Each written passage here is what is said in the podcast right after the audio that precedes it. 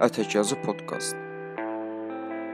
İranda ayrı-seçkiliyin cinsi sağlamlıq nümunəsi. Azərbaycan əyalətlərinin vəziyyəti. Məryəm Nurullahinin Ətəkyazı üçün yazdığı məqalənin ünvanıdır. Mən Lətif İsmailov.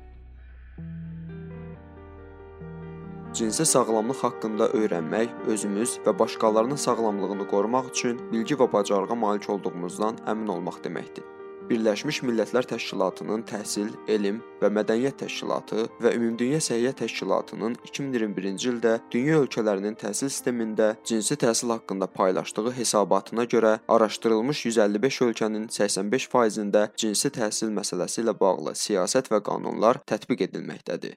Bu hesabatda verilən statistikalara görə müsəlman və yoxsul ölkələrdə cinsi təhsil sistemi ilə bağlı bu siyasət və qanunlar ya ümumiyyətlə mövcud deyil, ya da düzgün formada həyata keçirilmir. Ümumdünya Səhiyyə Təşkilatının 15-24 yaşlı Asiyalı gənclərin məktəblərdə cinsi təhsil sistemindən məmnuniyyətləri ilə bağlı apardığı son sorğuda onların yalnız 3də birindən azı məktəbin cinsi təhsil sahəsində uğurlu olduğuna inanırlar. Təhsil məsələsindən əlavə dövlətin öhdəsində olan vəzifələrdən biri bir sıra yayğın və təhlükəli xəstəliklərə qarşı ümumi vaksinasiya proqramı həyata keçirməkdir. Cinsi yolla ötürülən infeksiyalar bütün dünyada cinsi və reproduktiv sağlamlığa ciddi təsir göstərir.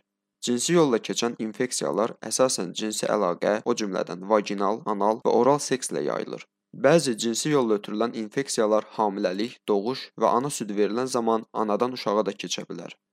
Uşaqlıq boynu xərçəngi qadınlar arasında dünyada ən çox yayılmış 4-cü xərçəngdir. 2020-ci ildə dünya üzrə bu xəstəliyə məruz qalıb ölənlərin 90%-i maliyyə vəziyyəti aşağı səviyyədə olan və orta gəlirli ölkələrin əhalisidir. İranda hər il 500 qadın bu növ xərçəngdən dünyasını dəyişir. Bu xərçəng cinsi yolla keçən xəstəliklərdən hesab olunur. Bu xərçəngə səbəb olan virus kişilərdə genital zillərlə özünü göstərir. Bu xəstəliklərə qarşı mübarizə aparmağın ən yaxşı yolu insanlara cinsi gigiyena haqqında təhsil vermək və ümumi vaksinasiyadır. Dünyanın 127 ölkəsində bu xəstəliyə qarşı ümumi vaksinasiya proqramı həyata keçirilir. İranda cinsi yolla ötürülən xəstəliklərə qarşı düzgün təhsil sistemi və vaksinasiya proqramı yoxdur. Qardasil peyvəndi bütün dünyada uşaqlıq boynu xərçəngi və genital ziyillərin qarşısını almaq üçün istifadə olunur.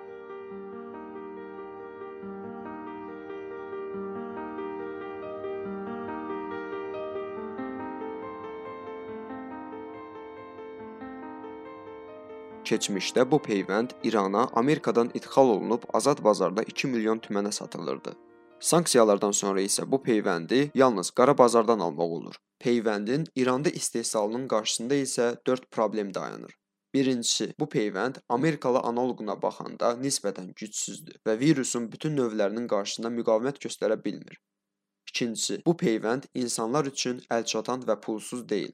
Üçüncüsü, vaksinasiyadan yaxşı nəticə almaq üçün bu vaksinasiya proqramı 9-11 yaşlı uşaqlar arasında keçirilməlidir. Ancaq İranda təhsil sisteminin bu sahədə gücsüz olması səbəbindən insanlar bu peyvənd və xəstəlik haqqında heç bir bilgiyə sahib deyillər. Dördüncüsü, bu mövzuda danışmaq, toplumda uşaqlar və gənclərlə cinsi qayğı haqqında danışmaq, İranda onları seks və cinsi əlaqəyə təşviq etmək sayılır.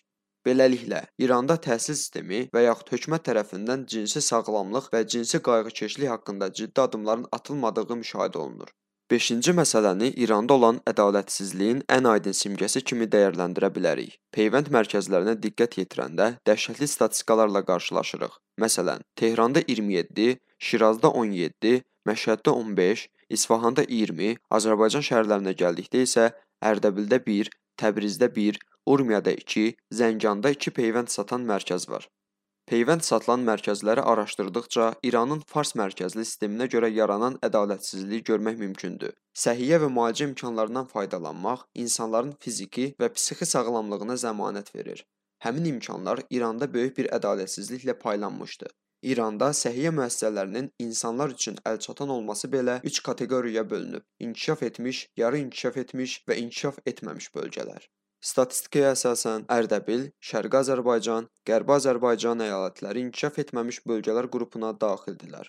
Səhiyyə və müalicə imkanlarının səviyyəsi hər bölgənin iqtisadi vəziyyətindən təsirlənir. Həmin bölgənin inkişaf səviyyəsinin hansı məqamda olduğunu göstərir.